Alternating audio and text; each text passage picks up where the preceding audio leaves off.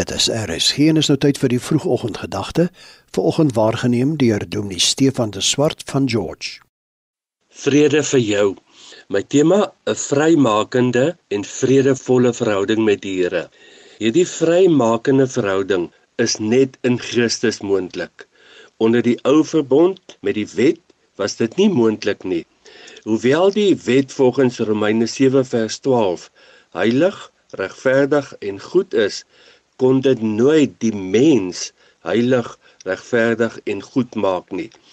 Galasiërs 4:21 sug amper as daar 'n wet gegee was wat krag het om lewend te maak.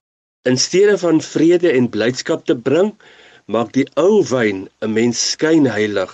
Met ander woorde, jy gee noodwendig voor dat alles reg is en dat jy in staat is om die wet onberispelik te hou.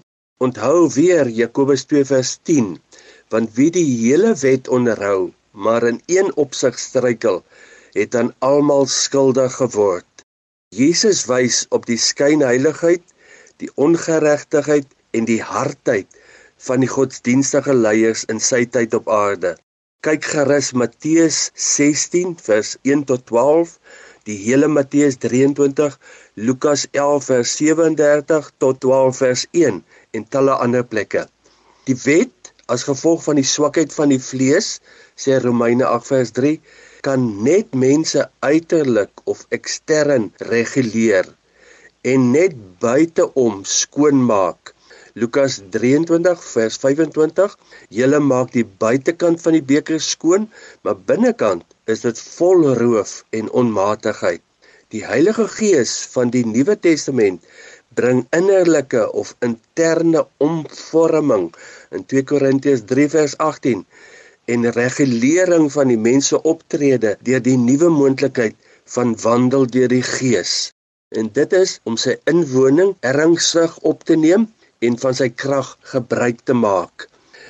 2 Korintiërs 3 vers 17 Die Here is die Gees en waar die Gees van die Here is, is daar vryheid. Romeine 8:2 Die wet van die Gees van die lewe in Christus Jesus het my vrygemaak van die wet van die sonde en die dood. Vader, dankie vir die nuwe opsie om deur u Gees te wandel en nie meer op onsself staat te maak nie. Amen. Dit was die vroegoggendgedagte hier op RSG, aangebied deur Dominee Stefan de Swart van George.